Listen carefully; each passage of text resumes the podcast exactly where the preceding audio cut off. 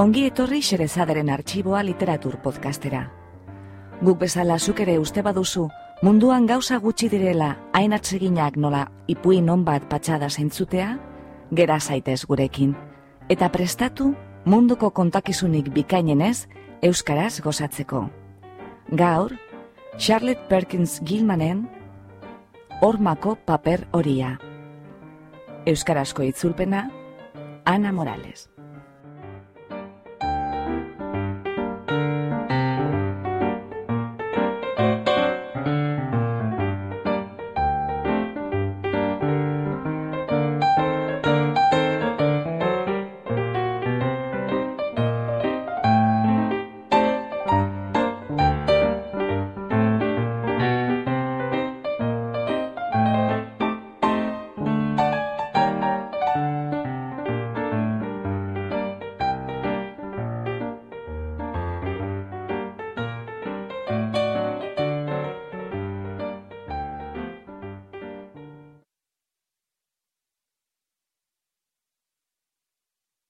Charlotte Perkins Gilman, estatu batuetan jaio zen mila sortzireun da irurogeian. Ekintzaile feminista eta idazle ugaria izan zen. Narrazioak, poesia, novelak, ekonomiari eta soziologiari buruzko saiakerak egin zituen eta eunka artikulu argitaratu zituen aldizkarietan.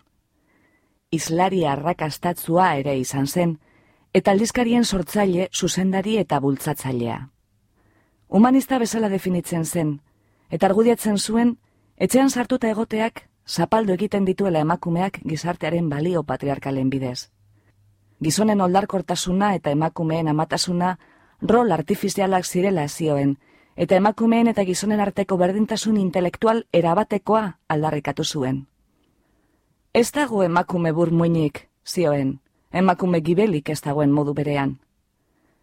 Etxean egotera beharturik, emakumeak giza arrasa azpigaratua zirela zioen independentzia ekonomikoa ezinbestekoa zen emakumeak askatzeko, eta isolamenduak eta autonomia ezak eragindako frustraziotik eta sufrimendu emozionaletik ateratzeko. Hormako paper horia, Perkins Gilmanen ipuinik famatuena eta antologizatuena da. Ama izan berri den emakume batek, hiru hilabete pasatzen ditu logelatik apenez irten barik, eta inongo lanik egin ezinik, bere zenar medikuak haren nervietako gaixotasuna osatzeko preskribatu duen tratamendu gisa. Baina botika, gaixotasuna baina okerrago suerta daiteke. Hormako paper horia, Charlotte Perkins Gilman. Oso gutxitan gertatzen da, ni eta jon bezalako jende arruntak, etxandi zahar bat lortzea uda pasatzeko. Emaidazu etxandi kolonial bat, eredatutako etxalde bat, are etxe sorgindu bat esango nuke, eta hortxe duzu zorion erromantikoaren gailurra. Baina hori, patuari gehiegi eskatzea litzateke. Eta ala ere, arro esan dezaket, etxe honekin zehozer arraroa gertatzen dela. Bestela, zelan alokatuko luketea inmerke eta zergatik egonda inbeste denboran alokatu barik. Joanek barre egiten dit, jakina, baina hori, espero izatekoa da ezkon bizitzan. Joan praktikoa da muturreraino. Ez dauka pazientziarik fede kontuetarako, iguin izugarri die zineskeriei, eta argi eta garbi mespesatzen du, sentitu eta ikusi eta zenbakietara ekarri ezin diren gauzez hitz egitea. Jon medikua da, eta behar bada horregatik, hau ez nioke inori esango jakina, baina hau paperilla baino ez da, eta harindu ederra nire gogoaren txat. Behar bada diot, horrexegatik ez nahi zarinago sendatzen. Pentsa, ez du zinezten gaixorik nagoenik, eta zer egin daiteke horren aurrean.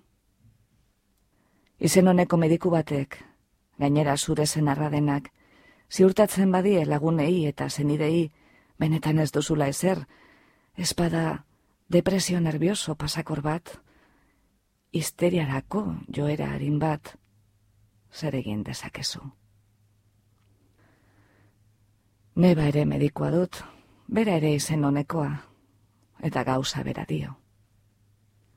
Beraz, fosfatoak eta fosfitoak edo dena delakoak hartzen ditut, eta tonikoak, eta bidaiak egiten ditut, eta egurasten naiz, eta eta fizikoa egiten dut, eta guztiz debekatuta daukat lan egitea berriz ere ondo jarri arte. Ni neu, enator bat ideia hoiekin.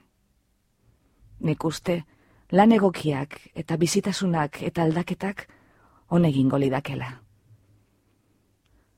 Debekuak debeku, bolada batean jarraitu nuen idazten, baina neka neka egin da usten nau isilostuka ibili behar izate honek, edo bestela aurkako jarrera gogorra jasan beharrak. Batzuetan iruditzen zait nire egoeran, debeko gutxiago eta inguruan jende gehiago eta estimulu gehiago izango banitu. Baina jonek dio, egin dezakedan gauzarik txarrena, nire egoeraz pentsatzea dela. Eta etortzen dut, txarto geratzen naizela beti. Beraz, albora utziko dut hori eta etxe mintzatuko naiz. Zenolako leku ederra. Naiko bakarrik dago, errepidetik naiko apartatuta, bos bat kilometrora herritik. Liburetako toki ingeles horiek gogoratzen dizkit, setoak eta hormak eta giltza isten diren burdinateak dituelako, eta etxetxo solte pilo bat, lore eta jendearentzat lorategi delizioso bat dago. Egundo ez dutolako lorategirik ikusi. Handia eta itzaltsua, espelez ezitutako bidezidorrekin, eta mahatz parrek estalitako pergola luzeekin, azpian jesartzeko bankuak dituztenak. Berotegiak ere bazeuden, baina ondatuta daude denak orain. Hauzi legalen bat egon zen, uste dut, oinordekoen edo oinordeko kideen konturen bat. Edo zelan ere, lekuak urteak eman ditu utzik. Beldur naiz, horrek, ondatu egiten didala mamu kontua, baina berdin zait. Etxeak zerbait bitxia dauka, sentitu egiten dut. Jo nire esan nion, ilargi gau batean, baina esan zidan, haize korronte bat zela sentitzen nuena, eta leioa itxi zuen. Batzuetan, neurrez gain azerretzen naiz jonekin. Lehen enintzen hain sentibera, ziur naiz. Uste dut, nire nervioen egoera honengatik dela. Baina jonek dio, onela banago, euki beharreko autokontrola galduko dudala. Beraz, egin alak egiten ditu nere burua kontrolatzeko, haren aurrean behintzat. Eta horrek, asko nekatzen nau. Gure gela, etzait bat ere gustatzen. Nik nahi nuen beku pixuko bat, galeriara ematen zuena eta leioa larrosaz beteta zeukana, eta antzinako gortina loredun politoriek. Baina jonek entzun ere etzuen egina izan, Esan zuen leio bakarra zuela eta ez zegoela tokirik bioerako, eta handi gertu ez zegoela beste logelarik berak hartzeko. Oso arduratsua eta maitetsua da, eta ia ez dituzten zirkinik egiten, jarraibide zehatzik eman gabe. Zehaztuta daukat zelan eman eguneko ordu bakoitza. Ardura guztiak entzen dizkit, eta horregatik esker txarreko pertsona zistrin bat sentitzen naiz, gehiago ez estimatzeagatik. Esan zidan, neogatik bakarrik etorri garela ona, atxeden utxean egon behar nintzela, eta alik eta gehien eguraztu. Arik eta fizikoa egitea, indarren menpe dago maitea, esan zidan. Eta jatea gozearen menpe neurri batean, baina airea berriz etengabe daiteke. Beraz, umeen gela hartu genuen, goiko pisuan. Gela handi eta zabala da, etxearen azalera osoko aia. Leioak ditu alde guztietara, eta airea eta argia barra-barra. Hasi eran umeen logela izango zen, eta gero jolasgela eta gimnazioa esango nuke. Izan ere, leioetan burdin asko barroteak ditu umeengatik eta eta hormetan ustaiak eta gauzak daude. Hormako pintura eta paperaren egoera ikusita, mutikoen eskola bat ematen du honek. Paperari puskandia kendu dizkiote nire oapuruaren inguru osoan, eskua zen naiteken bezain urrun, eta gelaren bestaldean ere, beko partean, kenduta dago zati handi batean. Nire bizi guztian ez dut paper itxusiagorik ikusi. Zabal zabal egiten den marrazkia saloretzu hoietako bat, egin litezken arte bekatu ororen erruduna. Arrastari jarraitu gure izan ezkero, begian ahazteko bezain monotonoa da, baina alde berean, norbera etengabe zirikatu eta astertzera bultzatzeko bestain nabarmena. Eta uin zalantzagarri babu horien arrastari tarte batez jarraitu diozunean, bapatean beren buruaz beste egiten dute, jauzi egiten dute angelu lutzagarrietan bera, beren burua suntzitzen dute sekula ikusi gabeko kontraesanetan. Kolorean arradagarria da, gomito garria ia. Lizuntzen hasitako hori zikin bat, eguzkeren argiaren joan etorri geldoak mudu bitxian maiztu duena. Laren motel baina ala ere bizia da toki batzuetan, azufre kolore gaixotia beste batzuetan. Ez da harritzekoa ume gorrotatu izana. Nik ere gorrotatuko nuken gela honetan luzaroan bizi behar izan banu. Hortxe dator jon, eskutatu egin behar dut hau. Gorrotatzen du nik letra bakar bat idaztea.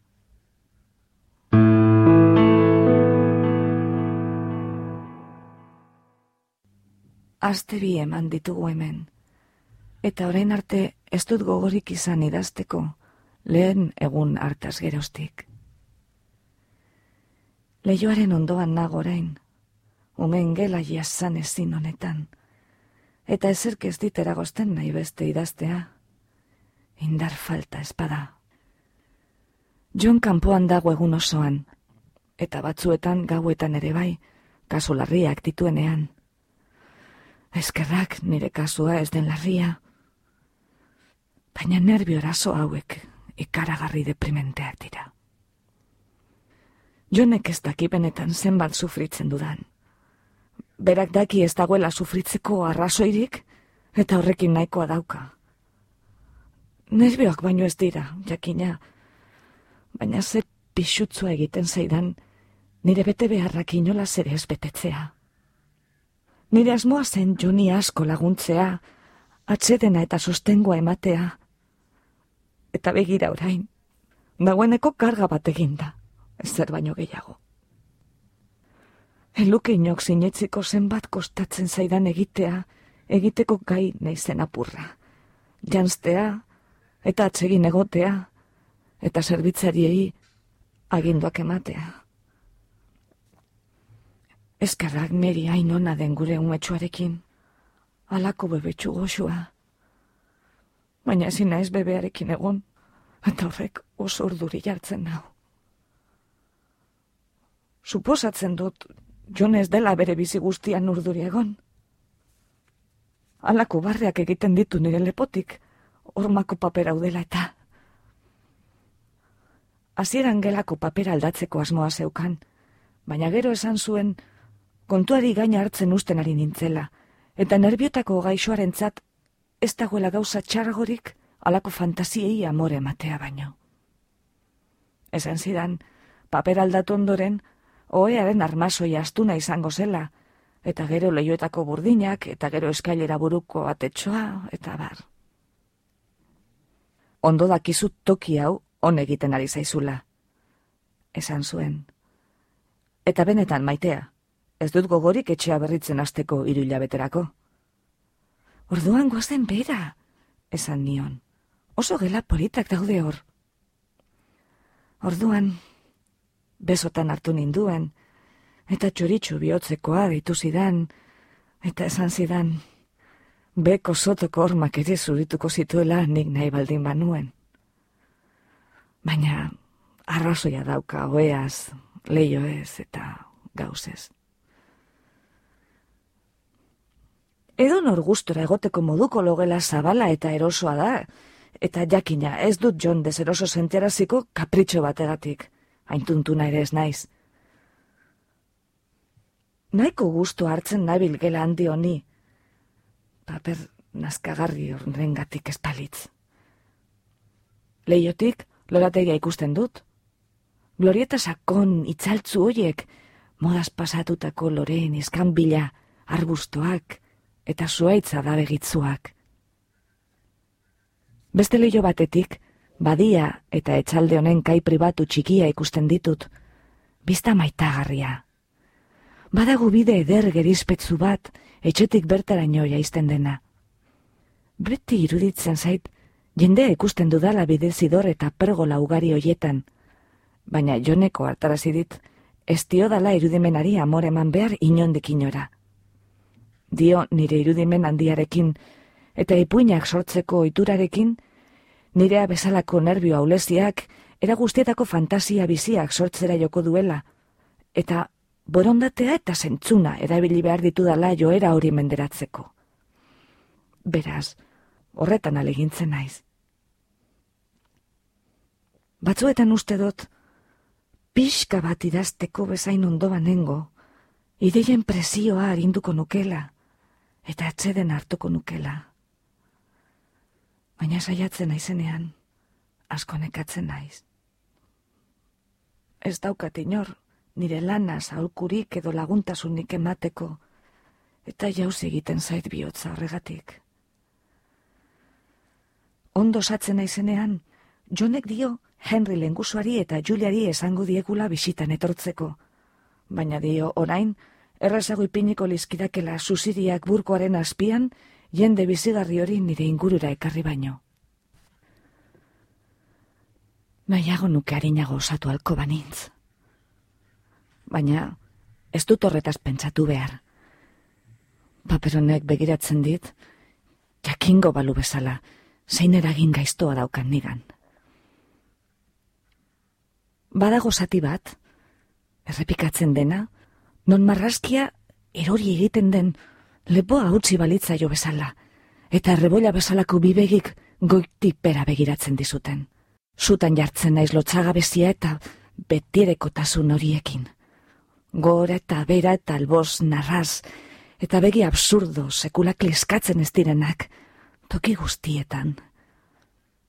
Leku batean, paper xafla bi ez datoz guztiz bat, eta begiak, mararen alde banatan, bata bestea baino goraxeago geratu dira, eta horrela doa asmarra osoan zehar, gora eta bera. Egundu ez dut ikusi alako espresiorik gauza bizigabi batean, eta denok dakigu gauzek zelako espresioa izaten duten. Txikitan, ez egoten nintzen oean, eta hor masuriei eta altzari arruntei begira, post eta beldur gehiago pasatzen nuen, ume gehienek jostailu den da batean baino. Gogoan dut gure armairu handi zaharreko eguraren begiek zelako keino atsegina egiten zidaten, eta ze lagun leiala ematen zuen beti aurki batek. Iruditzen zitzaidan gauzaren batek, beti zuegi ematen baldin bazuen, aurki horretare jauzi egin, eta salbu egongo nintzela. Gela honetako altzariak, ez dira intxarrak. Gehiago da, hemen ez dutela ondo ematen, betik ekarritakoak baitira berez.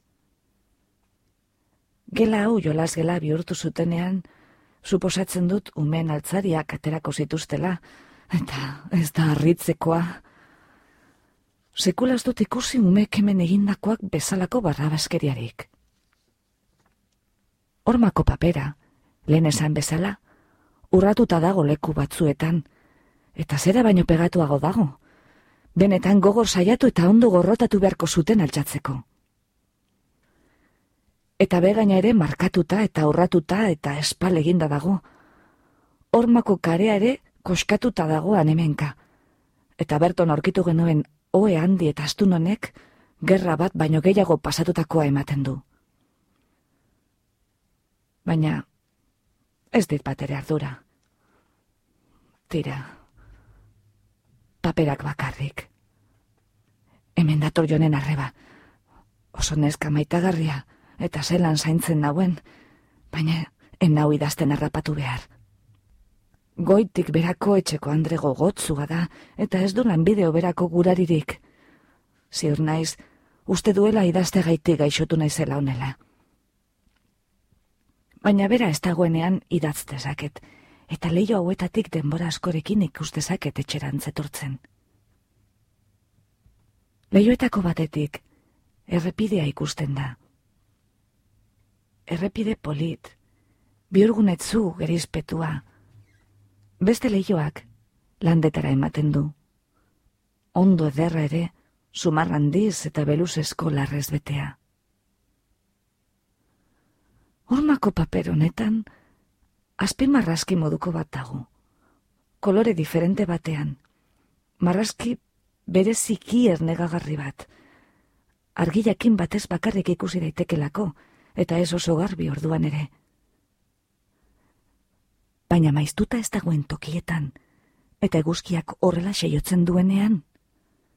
Formagabeko figura moduko bat ikusten dut, arraroa. Zirikatzailea, aurreko marrazkin abarmen txotxolo horren atzean ostenduta bezala. Eskileetan gora datorkoinata.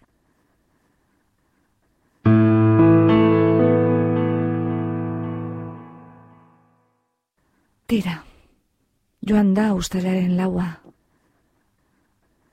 Mundu guztia joan da, eta neka-neka eginda nago. Jonek pentsatu zuen agian on egingo zidala konpainia pixka batek, eta ama, Neli eta umeak etorri ziren astebete pasatzera. Jakina, ez dut atzamarrik altxatu. Jeni arduratzen da dena sorain baina berdin berdin nekatu naiz. Jonek dio, adinago bizkortzen espa naiz, Weir Mitchell doktoraren gana bidaliko nahuela udazkenean. Baina ez dut inondik ere haren gana joan gura. Nire lagun bataren eskuetan egon zen behin, eta dio John eta nire neba bezalakoa dela, baina ere okerragoa. Gainera, itzelesko esfortzua da araño joatea. Iruditzen zaitez duela merezi zirkinik egitea esartarako ere. Eta ikaragarri milizka eta kexati bihurtzen ari naiz. Utsagatik azten naiz negarrez, eta negarretan nago denbora gehienean. Jakina, ez jonen edo beste inoren aurrean, bakarrik nagoenean baino.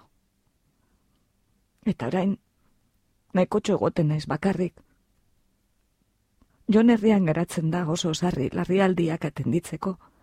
Eta Jenny, jatorra da eta bakarrik isten nau, alan eskatzen dio danean.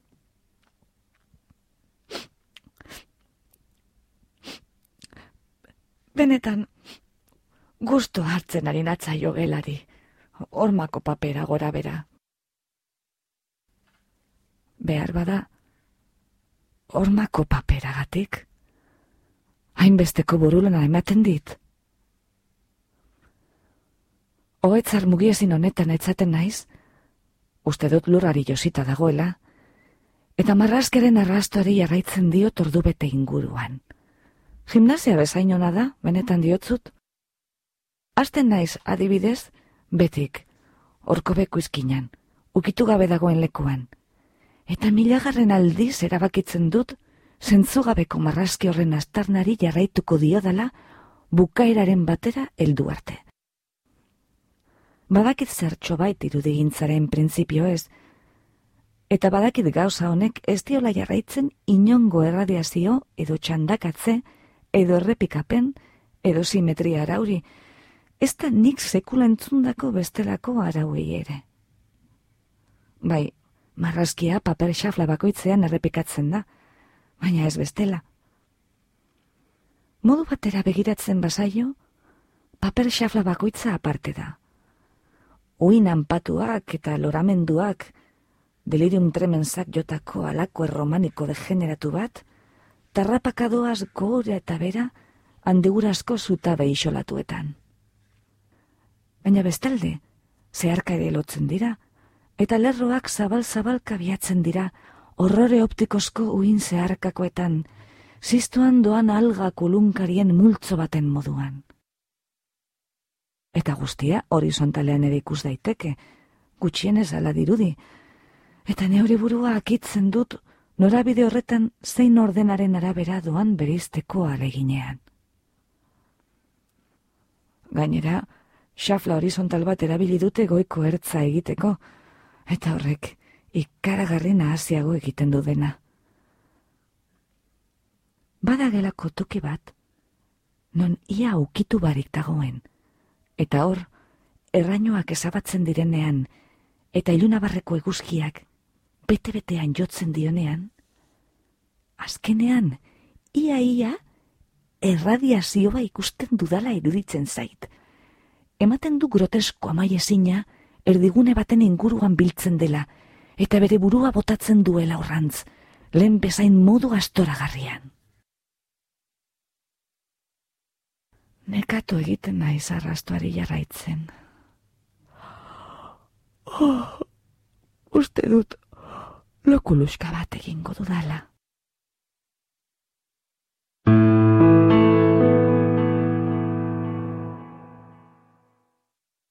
Ez daki zergatik idazten dudan hau.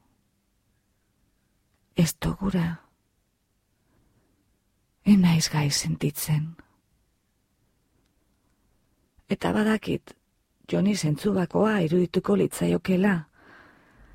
Baina moduren batean esan behar dut zer sentitzen eta pentsatzen dudan. Ikaragarrizko harindua da. Baina gero eta gehiago gertatzen zait, egindako alegina handiagoa izatea hartutako harindua baino. Orain denboraren erdian izugarri alfartuta nago, eta luzaroan egoten naiz etzan da. Jonek dio, ez dudala indarrik aldu behar, eta makailu gibelaren olioa, eta toneko mordoa, eta gauzak edan arazten dizkit, oia ipatu barik garagardoa, eta ardoa, eta aragi gordina. Jon maitea. Asko maite nau, eta ezin nau gaixorik ikusi, Lengoan saiatu nintzen berarekin benetako izkitaldi arrazoizko serio bat izaten, eta esaten zelan nahiko nuken nire lenguzu Henry eta Juliari bizita egiten joaten ustea. Baina esan zidan, en nagoela joateko moduan, bertera hildu eta gero ez nintzateke lagai izango jasateko. Eta, en nintzen oso ondo ebili nire eritzia defenditzen, negarrez bainengoen berbetan amaitu baino lehen. Gero eta gehiago kostatzen zait garbi pentsatzea. Nerbioen aulezia hau suposatzen dut. Eta joan maitiak besoetan hartu ninduen, eta gora ekarri eta hoean jarri ninduen, eta nire ondoan jesarri eta niri irakurtzen egon zen buruan ekatu zidan arte. Esan zidan, bere kutuna eta bere bakea naizela, eta daukan guztia, eta beragatik zaindu behar dudala neure burua, eta ondo egon. Dio, neu bakarrik lagundo aldio dala neure buruari honetatik irtetzen, eta borondatea eta autokontrola erabili behar ditu dela, eta ez utzi fantasia tuntunei niri gaina hartzen. Gauza hon bat behintzat badago. Gure bebetsua ondo eta pozik dagoela, eta ez duela, umen gela honetan egon behar, ormako paper korrota garri honekin. Guk hartu espagenu gela, umeko jauak eukiko zuen. Zelako eskapada zorionekoa. Mundua beti urregatik ere nioke utziko neure ume bati, txikitzu impresionagarri bati, onelako gela batean bizitzen. Ez dut inoiz ikuspegi honetatik ikusi, baina azkenean, suertea izan da jonek ni hemen jartzea, asko zerrezago jasan dezaket nik, umetxo batek baino. Jakina, orain ez diet papera sekula ipatzen, ena tuntuna, baina erne dauzkat begiak, berdin-berdin. Paper honetan, badaude gauza batzuk, nik beste inok ez dakizkienak, eta jakingo ez dituenak. Kanpoko marrazki horren atzeko irudila usotuak, argiagoak dira egunetik egunera. Beti da irudi bera, baina oso ugaria.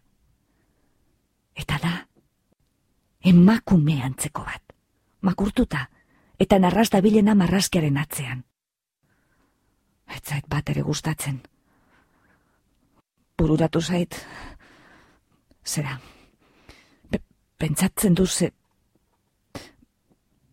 gurako nuke jonek ni hemendik betiko aterako banindu.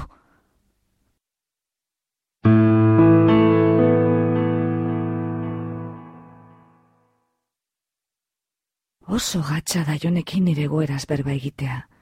Ze, hain da jakintzua eta hainbeste maiten hau? Baina atzu gauean saiatu egin nintzen. Ilargi argitan geunden. Ilargiak gela oso argitzen du, eguzkiak bezalaxe batzuetan, gorotu dut ikustea, hain astiro dabil narraz, eta beti sartzen da lehioren batetik. John, lo zegoen, eta enuen esnatu nahi, alandase, geldi geratu nintzen ilargi argiari, begira begira, ormako paper guintzu horretan, ikaratu egin nintzen arte. Atzeko figura xumeak, marrazkia, astindu egin zuela iruditu zitzaidan, handik irten gura balu bezala. Astiro altxatu, eta joan nintzen papera ikutzera, eta benetan mugitzen zen, eta oera itzuli nintzenean, John ez nazegoen. Zer duzun eskatila? Esan zidan. Zertan zabiltza urtik bueltaka? Ostu egingo zara? Pentsatu nuen une ona zela hitz egiteko, eta esan nion, hemen ez nagoela obera egiten, eta ni hemendik ateratzea nahi dudala. Baina lastana, esan zidan. Aloka irua, iru aste barru amaituko da. Zelan joango gara balenago. Etxeko obrak amaitu barik ditugu, eta orain ezin naiz iritik joan. Jakina, arriskoan baseunde, ahalko nuke eta egin egingo nuke.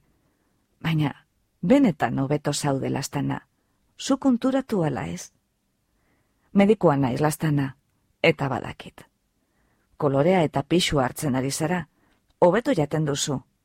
Asko zere lasaiago nago zutaz. Ez dut gramo bat ere hartu, esan nion. Eta horren bestere ez daukat edo zelan ere. Eta egian, hobeto jaten dut gauean, zu hemen zaudenean, baina aukerrago jaten dut goizean, zuet zaudenean. Nire bihotzeko lasta antxoa, esan zidan, bezarka da handi bat emanez. Gaixorik egon gura du berak, ba gaixorik egon dadila. Baina orain, guazen lotara, biharko argi orduako beto aproetsatzeko, eta goizean hitz egingo dugu honetaz. Eta etzara lanera joango? Galdetu nion, goibel baina zelan geratuko naiz etxean maitia. Hiru aste gehiago eta nonbaitera joango gara egun batzuetarako.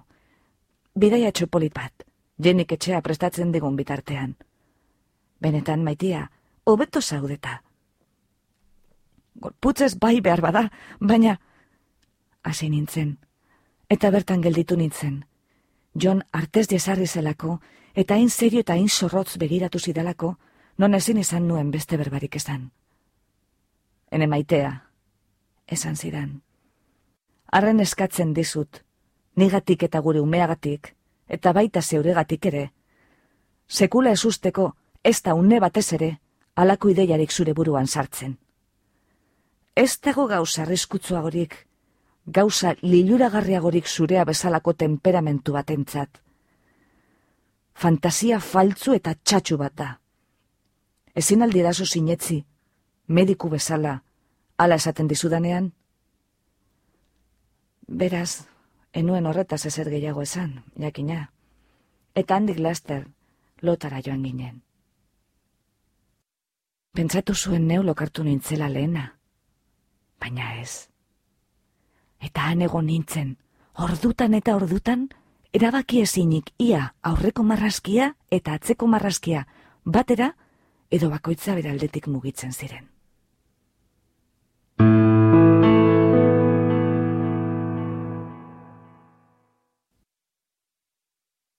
Onelako marrazkiek egun argiz ez daukate urrenkerarik. Burla egiten diete legei, eta hori etengabeko ernegua da buru normal batentzat. Kolorea nahiko nardagarria da berez, eta nahiko badazpadakoa eta nahiko asumingarria. Baina marrazkia, tortura hutsa da. Uste duzu menderatu duzula, eta bidardian zaudenean jauzi mortal bat egiten du atzerantz, eta horratx, belarrondokoa eman dizu, lurrera botatzen zaitu, eta salto egiten dizu gainean. Amets gaiztoa bezalakoa da. Kanpoko marrazkia, arabesko loratzua da, onjoak gogoratzen dituena. Imaginatu onjo posoitzuen kate bat, onjo posoitzuen segida amaitezin bat, bueltaka eta bueltaka infinitura nio, garatzen eta kimutzen, ba olako zerbaita. Dira, hori, batzuetan. Paper honek, ezaugarri oso berezi bat dauka, antza denez, nik bakarrik antzeman dudana. Eta da, argia aldatu ala, bera ere aldatzen dala. Eguzkia ekialdeko lehioetatik sartzen denean, nik beti bilatzen dut lehen izpi luze, zuzen hori, hain askar aldatzen da non inoiz ezin dudan erabazinetzi. Horregatik egoten naiz beti zelatan. Ilargi argitan, ilargia dagoenean gau osoan argitzen dugela, enuk esango paper bera denik. Gauean, edozelako argiarekin, dela iluna barra, naiz kandela argia, lampar argia, eta guztietan okerrena, ilargi argia. Barroteak agertzen dira. Esan nahi dut kanpoko marrazkian, eta atzeko emakumea, garbi baino garbiago ikusten da. Luzaroan ez nintzen ohartu zer zen atzean ageri zena, azpi marrazki lauso hori, baina orain guzti ziur nago, emakume bat dela. Egun argiz menderatuta dago, geldi. Uste dut, marrazkiak eusten diola horren geldi. Guztiz txundigarria da. Ordutan egoten naiz geldi, ari begira orain, luzaroan egoten nahi zoean. Jo nahi dio, hon egiten didala, eta aliketa gehien lo egin behar dudala. Egia esan, berak sortu zidan ohitura, otordu bakoitzaren ostean, ordu bete etzatera bidaliz. Oso ohitura txarra da, seguru nago, ze ikusten duzu, ez dut lorik egiten. Eta horrek, engainoa baino ez dakar. Ez diedarako esaten hitzarek nagoela. Baizera. Kontua da. Beldur pixka bat hartzen hasi natzaiola joni. Batzuetan oso arraro egoten da. Eta jenik berak ere aurpegira ulertezina dauka. Batzuetan bururatzen zait, hipotesi zientifiko bezala besterik ez, behar bada, paperagatik dela. Zelatan egon natzaio joni bera konturatu gabe, eta batzuetan gela sartu naiz papatean aitzakirik txatxuenekin, eta behin baino gehiagotan, zeri eta paperari begira rapatu dut. Eta jeni ere bai. Behin, jeni rapatu nuen esku bat paperean jarrita. Etzekien gelan nengoenik, galdetu nionean, hauts, apal, oso apalaz, ahalik eta mudurik kontenituenean, ia zertan zebilen paperarekin. Eta orduan, buelta eman zuen lapurretan arrapatu banu bezala, eta nahiko azerre ematen zuen, eta galdetu zidania zergatik ikaratzen nuen horrela. Gero, esan zuen, paperak zikindu egiten duela eta orban horiak aurkitu zituela nire eta jonen arropa guztietan eta mesedez kontu handiago zibiltzeko. Ze txintxoa ematen zuen, eh? Baina nik, nik badakit marrazki astertzen zegoela. Eta inok estuaren korapilu askatuko nik baino lehenago. Ez horixe.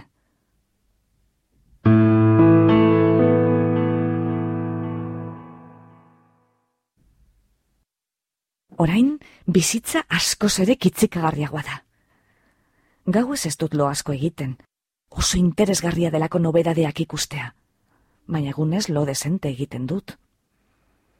Egunez, nekagarria eta nahazgarria da. Beti ageri dira kimu berriak kuntioan, eta hori kolorearen tono desberdinak toki guztietan. Hala ere, ezin dut haien kontua eraman, buru belarri saiatu naizen arren. Oso hori arraroa da paperonena. Bizitzen ikusi ditudan gauza hori guzti ez pentsarazten dit. Ez gauza politez, gurinerako ontzi ez adibidez. Gauza hori txar, naskagarri ez baino. Baina beste gauza bat ere badauka paperak. Usaina! Gelan lehenengo sartu ginen momentuan asmatu nuen, baina hainbeste aire eta eguzkirekin etzen txarra. Orain, lambroa eta euria izan ditugu astebetez, eta leioak zabaldu naizez, usaina hemen dago. Etxe guztian dabil narraz. Jangelako airean zintzilik aurkitzen dut, egon gelan kiribilka, sarreran eskutatuta, eskaileratan etzanda, nire zain hilean sartzen zait. Zaldi zibiltzeran noanean ere, burua bapatean giratzen badut eta esustean harrapatu, hortxe da gusaina. Eta inda usain pitxia. Orduak eman ditut analizatzen saiatzen zeren antzekoa den jakiteko. Ez da txarra hasieran eta oso xumea da, baina benetan sekula orketu dudan usainik sotilena, iraunkorrena da eguraldi ez honetan, horriblea da. Gau ez esnatzen naiz eta nire gainean tindilizka igartzen dut. Hasieran astoratu egiten ninduen. Pentsatzen ibili nintzen, zu ematea etxeari. Zinez, usaina bertan harrapatzeko. Baina orain, ohitu egin naiz bururatzen zaidanaren antzeko gauza bakarra, paperaren kolorea da. Usain horia. Mm, oso marka xelebrea dago horma honetan, bebean, sokaloren gainean. Gela osoaren jira egiten duen marra bat. Altzari guztien atzetik doa, oearen atzetik esan ezik.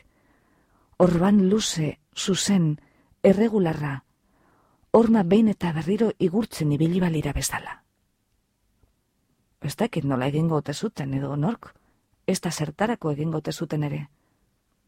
Buelta eta buelta eta buelta, buelta eta buelta eta buelta,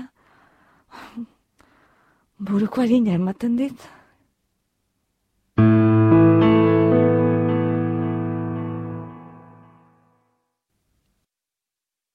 Azkenean, gauza bat eskubritu dut.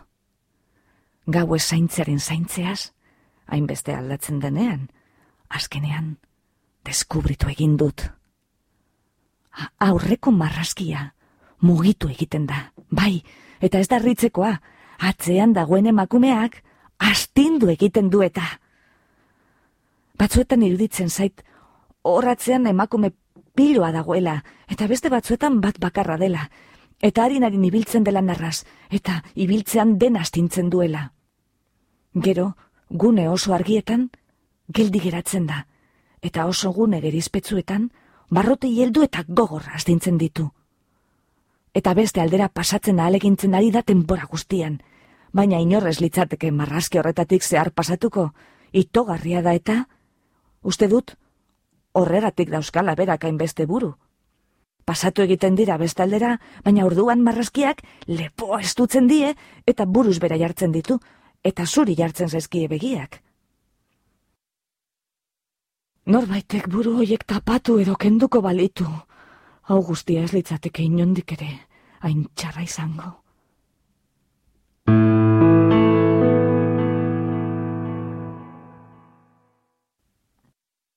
Uste dut, emakume hori irten egiten dela egunez. Eta esango dizu zergatik, gure artean. Ikusi egin dut. Leio bakoitzetik ikusten dut? Emakume bera da, ondo dakit, narraz da bilelako beti, eta emakume gehienak egun argiz ez dira narraz ibiltzen. Bideska luze gerizpetzuan ikusten dut, narraz gora eta bera. Matzparra ilun horietan ikusten dut, lorategi osoan zehar narraz. Ikusten dut errepide luze horretan zehar, suaitzen pean narraz. Eta saldiko txe bat atorrenean, eskutatu egiten da, masustaz hasien atzean. Eta guztiz normala iruditzen zait. Oso milagarri esan behar da egun betean norbaitek zulurretik narraz arrapatzea. Nik neuk, beti izten dut atea giltzaz egun argiz narraz nabilenean. Ezin dut gau ez egin, badakidalako jonek segituan susmatuko lukela zerbait. Eta Jon hain dago arraro orain. Ez dut ernegatzen jarri nahi. Nahiago nuke beste logela batera joango balitz. Gainera, ez gura nik beste inok ateratzea emakume hori kanporak hauetan. Askotan pentsatzen egoten naiz, ze ondo leio guztietatik aldi berean ikustea lortuko banu. Baina alik eta askarren buelta eman arren, bakoitzean leio bakarretik ikus dezaket. Eta beti ikusten badut ere, ni giratu baino harinago mugitzen da bera. Batzuetan begira egoten naiz, nola urruntzen den narra zelaietatik. Laino baten itzala, aize betean, baino harinago.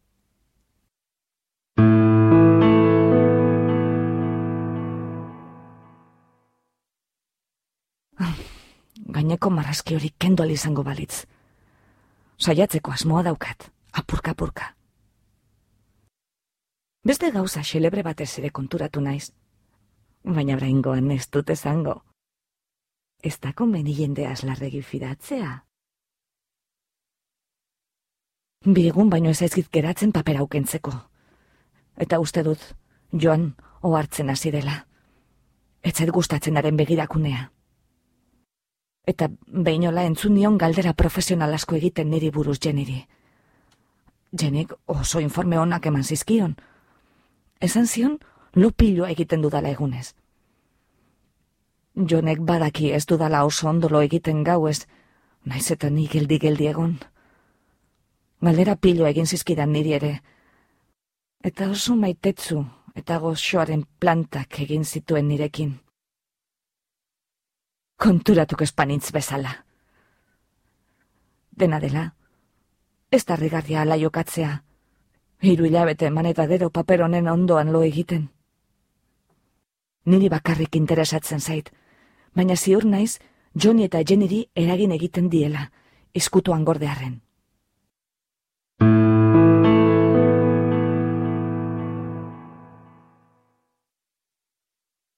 Biba! Gaur azken eguna da, baina nahikoa dut. Jo nirian geratuko da gaua pasatzen, eta ez da iluntzer arte joango. Jenik, nirekin lo egin gura zuen. Zorgintxoa lakoa. Baina esan diot, dudabarik hobeto deskantzatuko nuela gau batez bakarrik egonda. Grazia izan du ateraldiak, ze, ez naiz bat ere bakarrik egon? Ilargea saldu eta koitada hori batetik bestera narraz egiten eta marrazki astintzen hasi bezain laster, oetik altxatu eta laguntzera joan naiz. Tira egin dut, eta berak astindu egin du, nik astindu eta berak tira, eta egun argitu baino lehen, metroak eta metroak enitoen kenduta. Nire altura lainoko zerrenda bat, gelaren bueltaren ardia luze. Eta guzki irten denean, eta marrazkin askagarri hori barreka zizaidanean, erabaki dut gaur bukatuko nuela. Bihar joango gara, eta altzari guztiak behera eramango dituzte, gauzak zeuden moduan usteko. Jenik txundituta begiratu dio hormari, baina nik alaiki esan diot, gauza zital onnen mespresu utzagatik egin dudala. Berak barre egin du, eta esan dit ez itzaiola xola izango berak egitea, baina ez naizela nekatu behar. Ai, ez dela nigarri zaio nora ingoan. Baina hemen nago ni, eta nik beste inok ez ukituko paper hau, bizirik irten nahi badu. Ni gelatik ateratzen saiatu da, begibistan zegoen. Baina esan diot, hain lasai eta utxik eta garbi zegoela orain, uste nuen berriz ere nintzela eta alik eta luzen lo egingo nuela. Eta ez esnatzeko ez da farirako ere, neuk abisatuko nuela, itzartzen nintzenean. Beraz, orain joan da, eta zerbitzariak joan dira, eta gauzak ere eraman dituzte, eta ez da ezer geratzen, lurrari jositako oetzar hau baino, bere holan asko koltsoiarekin. Gaur, bean egingo dugulo, eta bihar barku hartuko dugu etxerako. Naiko gustura nago gelan orain, berriz ere utzi dagoela. Hene, zelako urratuak egin zituzten ume haiek. Oe hau, ondo saskilduta dago. Baina lanari ekin behar diot. Atea itxi, eta giltza lehiotik bota dut, aurreko bidera. Ez dut irten nahi, eta ez dut nahi inorrona sartzerik jon etorri arte. Txunditu egin nahi dut. Soka bat ekarri dut onagora, jeni konturatu barik. Emakume horrek ateratzea lortzen badu eta alde egiten saiatzen bada, lotu egingo dut. Ah, baina aztu egin zaitez naizela oso gora heltzen zerbaiten gainean igo barik. Eta hoe hau ez da mugitzen. Saiatu naiz altzatzen eta bultzatzen lepoa kebratu arte, eta gero inbeste amorratu naiz, non aginka egin diodan izkina batean, eta puska bat kendu. Ai, baina min hartu dut hortzetan. Gero, altzatu dut papera, lurrean zutunik egonda ailegatzen nintzen lekuraino. Ikaragarri itxatzita dago, eta marrazkiak gozatu egiten du. Lepoa estututako buru hoiek eta errebolla begiok eta mandaz manda baldarda biltzan un jo hoiek intziri egiten zidaten mespresuz. Osko azerretzen ari naiz, gauza desesperaturen bat egiteraino. Leiotik salto egitea, erik eta fiziko miragarria litzateke, baina barroteak sendoegiak dira, saiatu ere egiteko. Gainera, enuke egingo txakina ezetz. Ondotxo dakit, alako urratz bat ez dela itxurosoa, eta txartu interpretalitekeela. Leioetatik ere ez dut nahi begiratu, dena emakume hoietaz beterik, guztiak hortik zehar narraz, eta zeharin gainera. Paper honetatik aterako ote ziren guztiak, ni neu bezala? Baina orain, ondo lotuta nago, eskutatuta ukidudan sokarekin. Ez naute zain errazera mango errepide horretara. Pentsatzen dut, berriz ere itzuli beharko naizela marrazkeren atzera gaua heltzen denean. Eta hori, oso gogorra da. Hain da atsegina hemen kanpoan egotea, gela handi honetan, eta narrazi biltzea inguruetan nahierara. Ez dut gure kanpora joan. Enaiz joango, jenik esan arren. Ze, kanpoan, lurretik egin behar da narraz. Eta niri, sorbalda justu-justu sartzen zait orman zeharreko orban honetan, eta beraz ezin naiz desbideratu. Hene, joan atean dagota. Alferrik da, mutila, ezen duzu zabaldu. Hori da, hori deitu eta atean jo beharra. Ui, orain aizkora eskedabil. Laste malitzateke ate eder hori botatzea. John, maitia, esan dut haotzi goxoenaz. Giltza behan dago, atena guztaren ondoan, suaitzaren osto baten azpian. Horrek isilik eukidu batez. Gero, esan dit, oso oso apalki. Neure lastana. Zabaldu atea. Ezin dut, esan diot. Giltza behan dago, atena guziaren ondoan, soaitzaren osto baten azpian. Eta gero, berriro esan dut. Hainbat aldiz, eta oso goxo eta astiro, eta hainbeste aldiz esan dut, non ikustera joan behar izan den, eta hartu du, jakina. Eta barrura sartu da. Atean geratu da, izostuta. Zer gertatzen da? Egin du aldarri. Jainkoarren, zertan zabiltza? Jarraitu dut narrazean, baina sorbaldaren gainetik begiratu diot. Atera naiz azkenean, esan diot. Zu eta jeni gora bera. Eta paper gehien altzatu dut. Beraz, ezen izango nauzu berriro sartu. Eta, zergatik galdu ote duko nortearen txegizonak? Hori egin duta? Eta nire bidean trabezka gainera. Alandaze, gainetik pasatu berri zan naiz? Bertara heltzen nintzenean, buelta bakoitzean.